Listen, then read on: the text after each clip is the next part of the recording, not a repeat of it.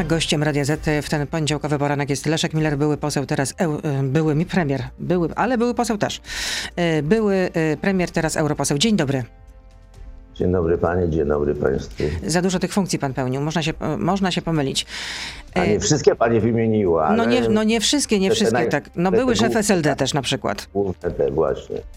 Y, Dobrze, pośmialiśmy się właściwie, ze mnie się pośmialiśmy, y, y, a teraz już na poważnie. Granica z Białorusią. Na ile ta sytuacja jest poważna? Czy mamy się czego obawiać? Sytuacja jest poważna niewątpliwie, e, tym bardziej, że e, widzimy e, istotną zmianę, bo dziś mamy tam coraz więcej służb mundurowych białoruskich, ale także imigranci mają już inną twarz. E, To są głównie młodzi mężczyźni, stosunkowo agresywni. Oni są oczywiście zgromadzeni przez y, Białorusinów, atakują zasieki na granicy, więc z punktu widzenia na przykład PiSu to jest sytuacja bardzo dobra, dlatego że mniej się będzie mówiło o kobietach z dziećmi, a e, częściej o agresywnych młodych mężczyznach. Ale kobiety z dziećmi również tam są. Y, Do tego jeszcze powrócimy. Natomiast y, chciałabym przytoczyć wypowiedź y, generała Nika Cartera, który jest szefem sztabu brytyjskich sił zbrojnych. Dzisiaj jednak z gazet przytacza jego wypowiedź. Ten mm, generał jest znany ze, ze swoich takich ostrych wypowiedzi, z tym, że przestrzega przed rosyjską agresją. No i jego zdaniem ryzyko wybuchu konfrontacji wojny Zachodu z Rosją jest największe od chwili zakończenia zimnej wojny i że właściwie do wybuchu konfliktu może dojść przez przypadek w wyniku nieadekwatnej reakcji jednej strony na zachowania drugiej. Sądzę, że to jest ocena mm, przejaskrawiona. Z powodu sytuacji na granicy polsko-białoruskiej nie będzie wojny. Natomiast Łukaszenko próbuje powtórzyć manewr, który bardzo się powiódł innemu dyktatorowi, e, prezydentowi e, Turcji który zarobił na tym dużo pieniędzy i o to mu chodziło. Więc Łukaszenko myśli, że ten manewr można powtórzyć i po prostu będzie próbował, e, na ile może się i jak głęboko może się e, posunąć. E, Gdyby e, władze Unii Europejskiej były bardzo jej zdecydowane, to ten konflikt można byłoby już zakończyć. Mam na myśli bardzo surowe akcje punktowe, e, nie e, skierowane w, w obywateli Białorusi, ale w interesy ekonomiczne Łukaszenki i jego e, przyjaciół. No właśnie miałam pana zapytać, czy Unia Europejska nie zachowuje się zbyt biernie, no ale pana zdaniem tak. Że jednak te Tak, działania tak, powinny być bardziej dynamiczne. Tak, e, tak, oczywiście i my e, w naszej delegacji socjalistów, ale także polscy deputowani z innych ugrupowań cały czas e, naciskamy. To się zmienia. Pomału e, Komisja Europejska się e, radykalizuje, ale to jest w dalszym ciągu za mało. Wiadomo, e, jakie pieniądze i skąd e, pozyskuje Łukaszenko. I wiadomo, co trzeba zrobić, żeby mm, odczuł to bardzo boleśnie. Czyli co trzeba zrobić? Trzeba wprowadzić e, e, sankcje punktowe, jak już powiedziałem. Mam na myśli transport, e, mam na myśli import paliw, czyli głównie benzyny i ropy naftowej. Czyli blokada tranzytu, blokada importu, tak? Tak jest, tak jest, tak jest. I to nie w ogóle, a w wybranych obszarach, gdzie Łukaszenko zarabia najwięcej. No, Jeszcze niedawno przedstawiciele polskiego rządu, e, prezydent również, mówili, że niepotrzebna nam jest pomoc ze strony NATO. Prezydent mówił, że dajemy sobie sami radę, że dziękujemy bardzo za, za taką propozycję współpracy. No a teraz e, premier Morawiecki chyba jednak zmienia zdanie, bo w wywiadzie dla Polskiej Agencji Prasowej powiedział, że dyskutuje się z Łotwą, z Litwą, e, w szczególności z Litwą, żeby czy nie uruchomić artykułu czwartego NATO. Już wcześniej o tym wspominał Donald Tusk. No, oczywiście, że e, należało to zrobić już e, dawno. Ten konflikt trzeba umiędzynarodowić. Tam się musi pojawić Frontex, Interpol, przedstawiciele NATO. E, Dlatego, że Polska nie może sprawiać wrażenia, że jest w tym konflikcie osamotniona. Przeciwnie. Musi być jasno, że za nami stoją różne instytucje, zwłaszcza unijne i natowskie, i że jakakolwiek wzmocniona agresja w stosunku do Polski jest atakiem na całą międzynarodową wspólnotę i dziwię się naprawdę, że polski rząd, a zwłaszcza pan Kaczyński, który wygłasza takie przemówienia e, wskazujące na potrzebę izolacjonizmu, dziwię się, że tego nie potrafią zrozumieć. No ale teraz następuje zmiana jednak frontu. Najwyższy czas, ale to wszystko jest bardzo późno i e, pod presją e, robione. I dobrze, można powiedzieć lepiej późno niż wcale, ale Jarosław Kaczyński musi przerwać tą swoją strategię, który chce, która polega na tym, żeby zbierać elektorat narodowy, żeby podkreślać e, samowystarczalność Polski, e, żeby twierdzić, że Polska może być, e, może się izolować zarówno od wschodu, jak i od zachodu. Przecież on wykorzystał 11 listopada, żeby znowu mówić o tym, że mamy wrogów. Mamy wrogów e, na, zarówno na wschodzie, jak i na zachodzie. No i jeszcze jest oczywiście wróg wewnętrzny, czyli to jest opozycja. To jest jakieś szaleństwo i nawiązywanie do sytuacji sprzed 1939 roku. Y, Aleksander Łukaszenka wpuścił na teren przygraniczny zagranicznych dziennikarzy, m.in. CNN i Reuters. No, polski rząd się długo upierał, że dziennikarze tam nie powinni być, ponieważ no, to grozi im, ich bezpieczeństwu, gdyby coś się stało, nie daj Bóg. No, teraz może się rząd zreflektuje, bo są takie zapowiedzi, że będzie, y, będzie projekt ustawy, który będzie porządkował y, co na granicy już po zakończeniu stanu wyjątkowego, no i być może dziennikarze również tam się znajdą. No, pani redaktor, y, y, polityka informacyjna nie znosi próżni. Jeżeli nie ma polskich dziennikarzy, to y, cały, cała narracja, która jest przekazywana nie, na, na cały świat, to jest tylko i wyłącznie punkt widzenia Białorusi. Więc to, że tam nie ma polskich dziennikarzy, to od początku był błąd, ale to jest typowa taka polityka PiSu, który uważa, że jak się e, nie dopuści e, dziennikarzy, którzy mogą prezentować inny niż rządowy punkt widzenia, e, to będzie lepiej. Otóż to będzie gorzej, dlatego że polski punkt widzenia nie istnieje i dlatego dziennikarze oczywiście powinni być tam cały czas. Pani redaktor, jeżeli w czasie wojny dziennikarze są na pierwszej linii i przenoszą informacje z, z, pierwszej linii, no to na litość boską, dlaczego ma nie być dziennikarzy y, na polsko-białoruskiej granicy? No tak, to była taka, można powiedzieć, fałszywa troska wobec y, nas, dziennikarzy. Zresztą był list również skierowany przez y, największe redakcje w tym kraju do pana premiera, żeby dopuścić właśnie dziennikarzy do tej strefy przygranicznej, żebyśmy mogli tam relacjonować, co tam się dzieje. No, I bylibyśmy nie tylko zdani na to, jak nas poinformuje o tym strona rządowa. To tyle w części radiowej. Leszek Miller oczywiście z nami zostaje. Teraz już jesteśmy na Facebooku, na Radio ZPL, na YouTube, więc proszę zostać z nami. Beata Lubecka, zapraszam. Leszek Miller jest z nami, czyli europoseł. Y, proszę przypomnieć, jak nazywa się ta frakcja, w której pan teraz jest. Lewica dla Europy. O, lewica dla Europy. Czy te sankcje, które teraz e, chce e, zaproponować Unia Europejska, bo um, przedstawiciel, wysoki przedstawiciel Unii do spraw e, zagranicznych Joseph Borrell powiedział, że damy zielone światło dla poszerzenia ram prawnych naszych sankcji wobec Białorusi. No i chodzi o sankcje dla y, ludzi, firmy zaangażowanych w te akcje białoruskiego dyktatora na granicy z Polską. Czy to wystarczy? Jeżeli będą prowadzone konsekwentnie, bez e, e, wahań, i jeżeli do tego dojdą jeszcze działania dyplomatyczne, e, które już są w części zrealizowane, mam na myśli naciski na państwa, których linie lotnicze dowożą migrantów do Mińska, to to wystarczy. No ale to musi być robione bardzo zdecydowanie, szybko, bez niepotrzebnego gadulstwa. No tak, to, to by wystarczyło. Chodzi, chodzi o, głównie o, o, o przecinanie y, y, kanałów y, przerzutu migrantów. Więc to się już zaczęło. Unia, Komisja Europejska wykazała tutaj pewną skuteczność. jeżeli dalej będzie tak postępowała, to będą rezultaty.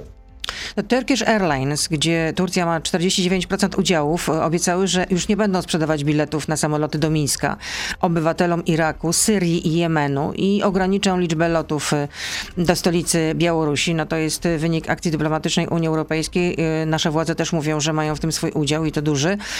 Mm, ale z kolei były białoruski dyplomata Paweł Łatuszka, który był też ambasadorem Białorusi w Polsce, ostrzega, że Łukaszenka już znalazł sposób, jak sobie z tym poradzić jak obejść ten zakaz lotów z Turcji na Białoruś, że służby białoruskie uruchomią nowy szlak na Białoruś i y, trafią tam migranci z, Afgas z Afganistanu, którzy są y, przywykli do niskich temperatur i, i spartańskich warunków. Proszę pani, no to, no to trzeba będzie wziąć również, przyjąć sankcje na te linie, które się pojawią. E, to jest bardzo skuteczna metoda i jeżeli, jeszcze raz powtórzę, jeżeli y, Komisja Europejska będzie w tej sprawie zdeterminowana, e, to rezultaty będą. Po prostu nowi migranci nie będą się pojawiać na lotnisku w Mińsku. A co się mówi w Parlamencie Europejskim na temat tej sytuacji na granicy polsko-białoruskiej i na granicy Unii Europejskiej de facto? E, no, no, z jednej strony y, jest y, taka ulga, że y, Europa uniknęła kolejnego strumienia nielegalnej migracji, no ale z drugiej strony te wszystkie obrazy dotyczące koczujących kobiet, dzieci, śmierci migrantów i tak dalej, to wszystko powoduje pytania o to, czy rozwiązania, które są na granicy, są adekwatne do sytuacji. I dlaczego y, tak się dzieje, y, i dlaczego aspekt humanitarny nie jest na pierwszym miejscu. Więc no, no, sytuacja jest skomplikowana, złożona. Może pani usłyszeć w Brukseli różne opinie, zależne od, od tego, co się Y, stawia na pierwszym miejscu. Czy szczelność granicy, czy aspekty humanitarne. A pan, gdyby pan był teraz premierem, co by pan stawiał na pierwszym miejscu? Aspekt humanitarny, czy jednak szczelność polskich granic? Proszę pani, ponieważ y, ja widzę, że y, jest tam coraz więcej białoruskiego wojska i białoruskiej Straży Granicznej i że naprzeciw naszych strażników, naszych żołnierzy już nie tylko są e, kobiety i dzieci, ale są również e, umundurowane osoby, które zachowują się prowokacyjnie, no to ja uważam, że w tej chwili na pierwszy plan e, wysuwa się konieczność obrony granicy i szczelność tej granicy, zgodnie z tym przekonaniem, że to nie jest tylko przecież sprawa Polski, ale to jest granica Unii Europejskiej. Ale jak pomóc migrantom na granicy? No jednak tam cały czas są e, rodziny, są kobiety z dziećmi. Trzeba im udzielać pomocy i na przykład e, jeśli już e, polscy politycy dziękują żołnierzom i, funkcjonariuszom Straży Granicznej Polskiej, trzeba również dziękować tym wszystkim organizacjom społecznym, a także polskim obywatelom, którzy wchodzą do tych lasów niosą pomoc, y, odzież, y, ciepłą strawę, bo oni właśnie y, przekonują wszystkich, że sprawa granicy to nie tylko kwestia jej szczelności, ale także pomocy humanitarnej. No a tymczasem nieznane sprawcy zniszczyli auta medyków na granicy, którzy udzielają pomocy medycznej migrantom na granicy właśnie. No tak to tylko pokazuje, że nie wszyscy, którzy tam są, e, e, to są ludzie, których można tak nazwać. Są normalne hieny, które wykorzystują sytuację, które chciałyby atakować wszystkich niosących pomoc. No wie pani, Polacy są różni, czego chociażby, co, co, co, co chociażby widzieliśmy w Kaliszu. To jeszcze o Kaliszu porozmawiamy, ale chciałabym jeszcze nawiązać do sondażu, z którego wynika, że większość opinii publicznej oczekuje, że opozycja będzie współdziałać razem z rządem w sprawie tego kryzysu na granicy z Białorusią. Mm, to jest y, sondaż SW Research dla mm, RPPL, czyli dla portalu Rzeczpospolitej. Czy opozycja powinna współpracować z rządem w sprawie kryzysu na granicy Polski z Białorusią? I na to pytanie odpowiedziało tak, prawie 70% badanych, 69,8%. 8,4% y, osób odpowiedziało nie. 20, prawie 22% respondentów nie ma zdania w tej sprawie, ale prawie 70% badanych jest na tak. Pan trochę wcześniej skrytykował y, Prawo i Sprawiedliwość, rząd y, za to, co się dzieje na naszej granicy, jak reaguje na to e, polska władza. Może już należy skończyć z taką krytyką. No tak, ale ja już o tym mówiłem, że sytuacja się zmienia. Początkowo, gdy wśród e, imigrantów było dużo rodzin z dziećmi, e, rząd był oskarżany przez opozycję o brutalność i brak empatii, ale dzisiaj to się zmienia. Dzisiaj mamy rosłych, agresywnych młodych mężczyzn i to nic dziwnego, że e, aż jest taka większość, która domaga się, aby chronić naszej granicy i żeby opozycja mówiła dokładnie to samo, co mówi rząd, y, kryzys na granicy umacnia PiS, to oczywiste i z punktu widzenia politycznych celów PiSu, im dłużej ta sytuacja tam będzie trwała, tym y, lepiej.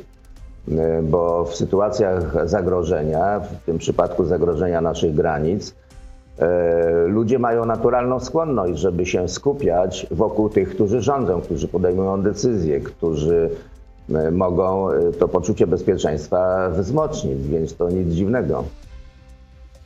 Rząd zapowiada, że z, złoży projekt ustawy, który będzie regulował, e, jak sytuacja powinna wyglądać na granicy już po wygaśnięciu stanu wyjątkowego. No, nie, nie można go wprowadzić po raz kolejny. Chociaż już pojawiają się opinie prawników, że to będzie bardzo wątpliwe prawnie. No oczywiście, dlatego że to jest próba e, przedłużenia stanu wyjątkowego bez stanu e, wyjątkowego.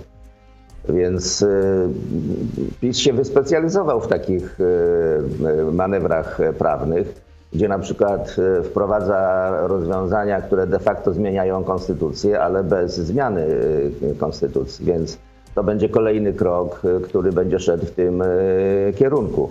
Chodzi po prostu o ustawowe wzmocnienie możliwości władzy.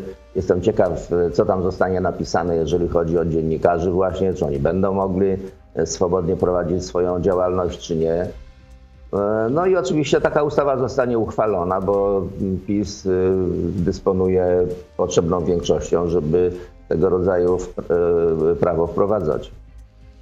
A co powinno się wydarzyć? Jak, jak powinna być ta sytuacja uregulowana? No już e, wspominałem, e, panie redaktor, raz trzeba szybko umiędzynarodowić tą sytuację. Nie, ja mówię o tym, no bo wygaśnie e, stan wyjątkowy. I co po stanie wyjątkowym? No, po stanie wyjątkowym trzeba wprowadzić stan normalności, taki jak zawsze, zgodnie z obowiązującym polskim prawem i, i przepisami międzynarodowymi. Czyli po pierwsze umiędzynarodowić tą sytuację, po drugie, zmienić politykę informacyjną, żeby cały świat widział, jak jest tam naprawdę i żeby nie czerpał e, informacji tylko i wyłącznie ze źródeł e, Łukaszenki i e, egzekwować twarde sankcje, które doprowadzą do, do zmiany polityki Łukaszenki. Leszek Miller jest z nami, były premier, teraz europoseł. E, wspomniał pan już o tym, o, e, o wydarzeniach z 11 listopada w Kaliszu.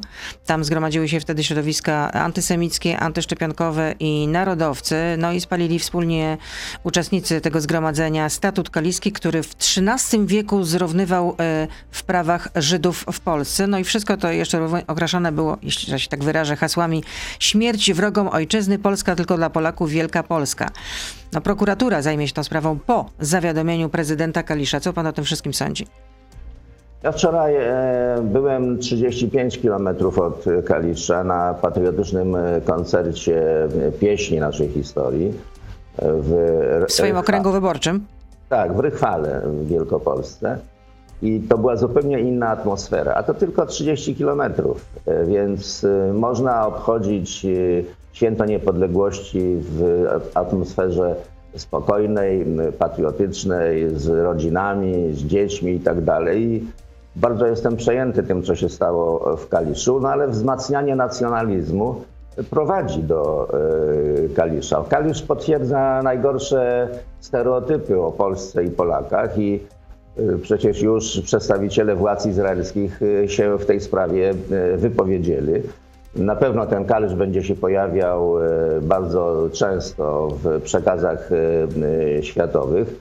I jeśli Kalisz zalała brunatna fala, to jest pytanie, dlaczego prezydent miasta, prokurator i komendant policji nie reagowali w, odpowiednim czasie? Dlaczego stchórzyli? Dlaczego na dobrą sprawę nie było e, reakcji także e, społeczeństwa e, Kalisza? Nie, no była, wczoraj była reakcja jednak społeczeństwa Ale ja nie mówię, wie pani, o tym, co się stało później. Ja mam na myśli to, co się działo w momencie e, tego antysemickiego e, piekiełka, No, które tam prezydent. Kalisza się tłumaczył, że no, bał się, że to będzie jeszcze mocniej eskalować, że byłyby zamieszki w związku z tym. Proszę pani, rozwiązanie zgromadzenia mogłoby się rzeczywiście okazać jakimś symbolicznym gestem tylko i wyłącznie. E, Ci ludzie, którzy tam przyjechali, mogli się do tego nie stosować, ale mielibyśmy wtedy dowód na to, że władza tego nie akceptuje. Natomiast y, ze strony władz nie było żadnych prób, żeby rozwiązać to zgromadzenie, żeby je zlikwidować. Nie było żadnej interwencji y, policji i to jest najgorsze, bo pokazuje, że cały ten sabat czarownic odbywał się przy cichym zezwoleniu kaliskich y, władz. Y, Także nie tylko administracyjnych, ale także prokuratorskich i policyjnych. Nie, no, prezydent Kalisza złożył zawiadomienie do prokuratury w tej sprawie. Ja nie mówię o tym, co nastąpiło później. Ja mówię o tym, co się działo w czasie. Czyli pana zdaniem prezydent Kalisza powinien był rozwiązać to zgromadzenie, y, koniec, Oczywiście, kropka. Oczywiście, że tak. Nawet gdyby e, uczestnicy e, e, tego zgromadzenia nie chcieli e, się do tego dostosować. Mielibyśmy jednak dowód na to, że władze Kalisza nie akceptują tego, co tam miało miejsce. A tak, to w świat pójdzie informacja, że e, jakieś dzikusy antysemickie przyjechały do Kalisza, e, spaliły ważny dokument e, e, i to wszystko działo się bez reakcji e, kaliskich władz. No, władze centralne zareagowały. No, szef MSWiA Mariusz Kamiński powiedział w wywiadzie radiowym, że wydarzenia, które miały miejsce 11 listopada w Kaliszu były haniebne i skandaliczne, no i że osoby e, odpowiedzialne za te e, antysemickie i rasistowskie incydenty poniosą konsekwencje. Taką nadzieję ma szef MSWiA, no i prezydent również, ale w niedzielę napisał na Twitterze, w niedzielę, Bardzo że stanowczo potępia wszelkie akty se- antysemityzmu i uważa, że to barbarzyństwo, którego, barbarzyństwo, którego dopuściła się grupa chuliganów w Kaliszu. Bardzo się cieszę, że e, tak e, zareagowali, tylko zobaczymy, jakie będą konsekwencje. Czy ktoś poniesie konsekwencje, czy komuś spadnie włos e, z, z głowy, czy zostanie ta sytuacja nagłośniona jako przestroga, że jeżeli organizatorom tego zgromadzenia przyjdzie do głowy, aby w jakimś innym mieście w Polsce coś podobnego zorganizować, to muszą się liczyć z bardzo zdecydowaną e, reakcją policji czy e, prokuratora. Zobaczymy. Na razie słyszymy słowa, ale od słów do czynów w tym przypadku jest bardzo daleko. Tak jak od e, kaliskiego rynku do stodoły jest bardzo blisko. Ambasador Polski w Berlinie, Andrzej Przyłębski, mąż prezes Trybunału Konstytucyjnego Julii Przyłębskiej, zrezygnował. Jest pan zaskoczony?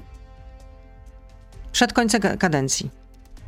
No nie, nie wiem dokładnie z jakich powodów, ale to, że. Z powodów pan, osobistych, takie jest y, oficjalna, taka jest oficjalna wersja. Ale że pan ambasador e, uprawiał tam przedziwną e, e, dyplomację, no to wszyscy byliśmy świadomi. Raczej się antagonizował z gospodarzami niż starał się prezentować polską, życzliwą dla Niemców twarz, więc e, wie pani, pamiętam taki, takie powiedzenie, że e, dyrektorem ogrodu zoologicznego nie może być ktoś, kto nie lubi zwierząt. Komunikat oficjalny jest taki, że ambasador Przyłębski sam podjął decyzję o skróceniu swojej misji z powodów osobistych, rodzinnych i zawodowych, zatem podawane przez niektóre media informacje o odwołaniu ambasadora Przyłębskiego przez MSZ są nieprawdziwe. Podobnie nie ma jeszcze odpowiedzi Ministerstwa Spraw Zagranicznych na prośbę ambasadora o skrócenie misji w Berlinie.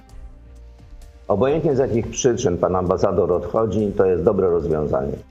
I mam nadzieję, że jego następca będzie odwrotnością pana ambasadora, jeżeli chodzi o rodzaj uprawianej dyplomacji.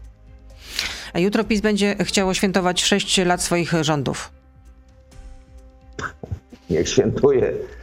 Niech świętuje w sytuacji, w której inflacja jest najwyższa od wielu, wielu, wielu, wielu lat w sytuacji, w której Polska nie ma już praktycznie przyjaciół, bo jest skłócona i na wschodzie, i na zachodzie, a nawet za oceanem, e, gdzie Polska wniosła e, do swoich strategicznych priorytetów politykę izolacjonizmu, no nie ma, nie ma się z czego cieszyć, proszę pani. No najwyraźniej Prawo i Sprawiedliwość uważa, że jest z czego cieszyć. E, to świętowanie będzie wspólnie z byłą premier Beatą Szydło i prezesem Jarosławem Kaczyńskim. Mm, no i to będzie takie syntetyczne podsumowanie dokonań. A pana zdaniem y, Adam Glapiński będzie prezesem na drugą kadencję, prezesem Narodowego Banku Polskiego? No, bardzo się stara, żeby być i, i, i opowiada jakieś fantastyczne y, historie o tym, jaką, jakim mocarstwem jest Polska, jak świetnie sobie radzi w światowej gospodarce. jakim jesteśmy mocarstwem, no, stara się jak może, żeby zasłużyć na e, życzliwą uwagę e, pana e, Jarosława Kaczyńskiego. Ale nie odpowiedział pan na moje pytanie, czy zostanie Adam Glapiński prezesem na drugą kadencję? Co panu podpowiada no, ja, intuicja? To ja nie wiem, proszę pani, no, to jest kwestia decyzji pana Kaczyńskiego w ogóle. Jak to? Prezydent przecież na tym decyduje. Panie redaktor, dzisiaj w Polsce jest tak, że całą politykę personalną prowadzi jeden człowiek. On się nazywa Jarosław Kaczyński. E, I albo Jarosław Kaczyński e, skinie życzliwie głową na tak, albo pokręci głową z niesmakiem na nie. I od tego zależą losy pana Glapińskiego. Ale strzał z, z emisją tego kolekcjonerskiego banknotu z podobizmą e, świętej pamięci Lecha Kaczyńskiego był strzałem dziesiątkę. No były, były kolejki przed oddziałami banku. Dla mnie to jest jakiś, e, jakaś jarmarczna estetyka, coś potwornego po prostu. E, napchanie na ten e, banknot różnych scen, symboli i tak dalej. No, ja bym tego nie tylko nie kupił, ale za darmo bym tego nie chciał. A kto będzie kandydatką Prawa i Sprawiedliwości na e, prezydenta? No bo podobno już są przemiarki i to e, prezes ma się wahać między e, Elżbietą Witek a Beatą Szydło, która jest bardzo popularna w, w elektoracie Prawa i Sprawiedliwości. No miała znakomity wynik. Najlepszy chyba, jeśli chodzi o wybory ostatnie do Europarlamentu. Myślę, że pani Szydło będzie kandydatką, ma największe w tej chwili y, szanse.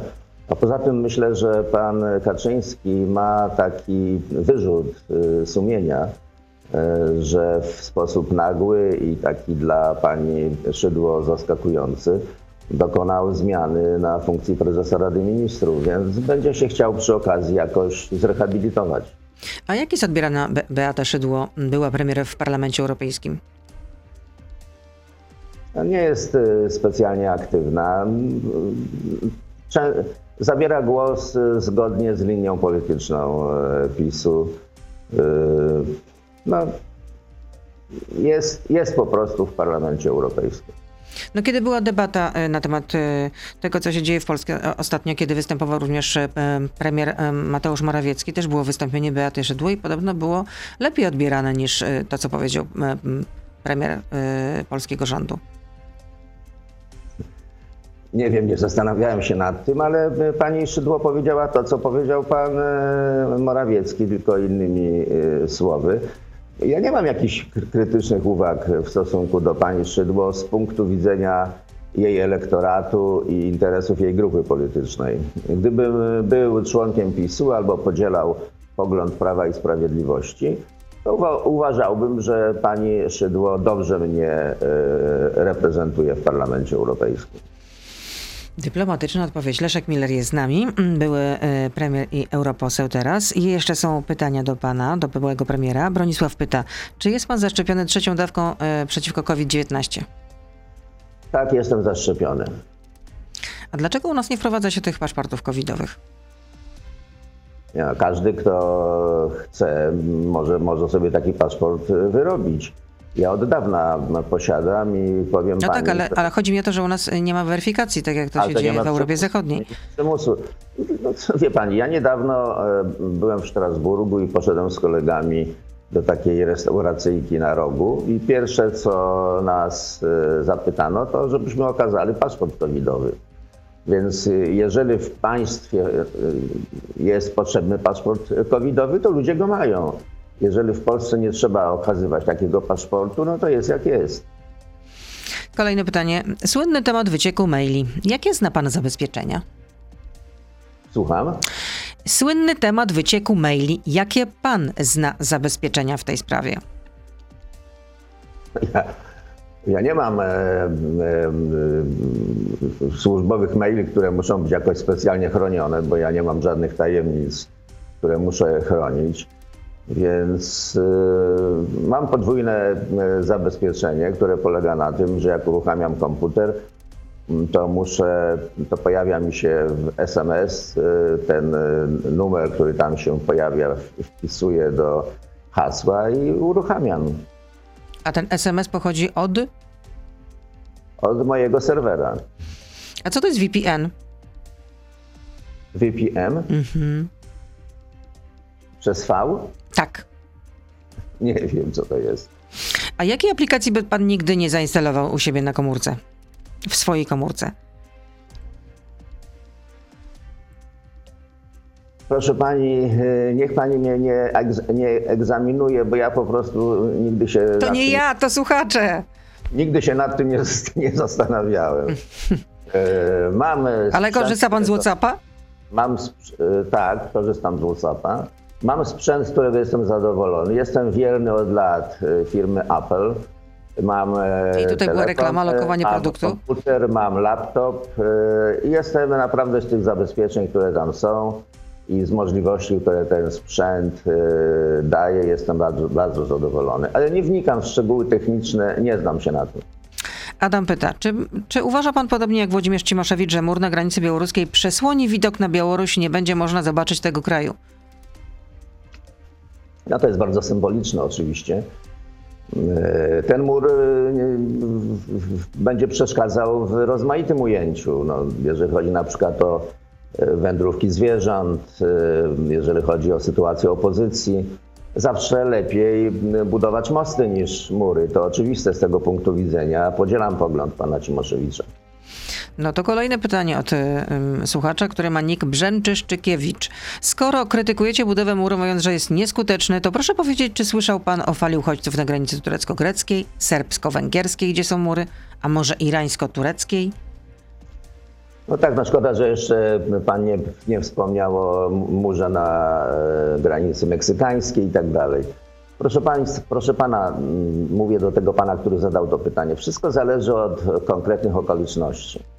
E, Od tego, jaka jest naprawdę sytuacja. No, jeżeli, y, jeżeli, jeszcze raz to powtórzę, co już mówiłem, jeżeli e, sytuacja na granicy polsko-białoruskiej będzie miała coraz bardziej mm, charakter e, e, napięty, jeżeli tam będzie coraz więcej e, ludzi w mundurach albo mm, młodych e, mężczyzn, którzy e, będą atakowali tą granicę, to oczywiście można powiedzieć, e, będzie coraz więcej zwolenników muru, tak?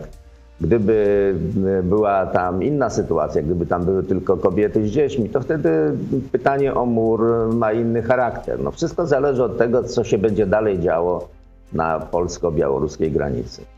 Darek pyta, czy zabycie Bielanem Lewicy, to jest cytat z redaktora Jacka Żakowskiego, onet rano 21 października, i za rozwalanie nowej Lewicy Donald Tusk obiecał panu miejsce na listach do Europarlamentu. Ale kto rozwala nową lewicę? No chyba pan, tak to chyba tutaj słuchacz chyba pana wskazuje na pana. No a bycie, le- słyszał pan o tym określeniu Bielan Lewicy? Nie, nie słyszałem nigdy. A Donald Tusk obiecywał panu miejsce na listach do Europarlamentu? Nie, w ogóle nigdy na ten temat z panem Donaldem Tuskiem nie rozmawiałem. Natomiast jeżeli chodzi o tak zwaną nową lewicę, to jej e, zabójcą jest Włodzimierz e, Czarzasty, który zrobił sobie prywatną partię, który niepodzielnie rządzi, który e, zawiesza, odwiesza, decyduje samodzielnie. E, To jest raczej przedsiębiorstwo, e, którego właścicielem jest pan Czarzasty, niż partia polityczna, która rządzi się demokratycznym statutem. Bartek pyta, gdyby pan był teraz posłem, czy zagłosował pan ostatnio za podniesieniem akcyzy na alkohol? Nie, nie zagłosowałbym. Tym A dlaczego nie? Że, tym bardziej, że kiedy byłem e, premierem, to obniżyłem akcyzę, a nie zwiększałem ją. I ostatnie pytanie, czy nie żałuje pan, że prezentując po raz pierwszy panią Magdalenę Ogórek e, w roli kandydatki na prezydenta, nie dał jej pan dojść do słowa? To nieprawda, pani, pani Ogórek miała setki e, sposobności, żeby mówić, co chciała mówić. Więc e, jeżeli chcecie Państwo posłuchać archi- archiwalnych nagrań, czy podczytać, co pani e, Ogórek mówiła, zwłaszcza na specjalnej konwencji w Ożarowie, to przecież te materiały są zachowane. Mm, Byłam na tej konwencji, pamiętam. Pamiętam doskonale, siedzieliście obok siebie w pierwszym rzędzie i wyglądaliście, że jesteście po prostu zapad brat. No, trudno, żebyśmy nie byli za pan brat, skoro pani e, Ogórek była naszą kandydatką, ale to się szybko zmieniło, bo e, pani Ogórek zaczęła prowadzić e, własną kampanię wyborczą i mm, ta kampania doprowadziła ją do takiego wyniku, jaki znamy. A wracając do Donalda Tuska, to słyszałam, że między wami to jest taka, można powiedzieć, dobra chemia międzyludzka. To prawda? I że często z sobą rozmawiacie. Ja od dawna e, mam kontakty z panem Donaldem Tuskiem. Jeszcze wtedy, kiedy e, byłem w Sejmie. Od czasu do czasu się spotykaliśmy, rozmawialiśmy. E, Nie ukrywam, że dla mnie Donald Tusk jest czołowym polskim politykiem. I nie ukrywam, że bardzo się ucieszyłem, kiedy wrócił do polskiej polityki, bo to jest jedyny w tej chwili polityk, który jest w stanie wygrać e, z e, formacją Jarosława Kaczyńskiego, więc e, będę się cieszył, e, jeżeli tak się stanie, jeżeli w najbliższych wybor- wyborach parlamentarnych to Tusk wygra, a nie Kaczyński. No to zobaczymy, jak będzie. Cytując klasyków, jak będzie, czas pokaże. to tyle. To tyle. Leszek Dziękuję Miller, serdecznie. Dziękuję. e, Leszek Miller, były premier, teraz europoseł, e, był z nami. Życzę nieustająco zdrowia. Do usłyszenia, do zobaczenia. Kłaniam się. Dobrego dnia. Dziękuję nawzajem. Wszystkiego dobrego. To był gość Radia Z. Słuchaj codziennie w Radio Z i na player radioz.pl.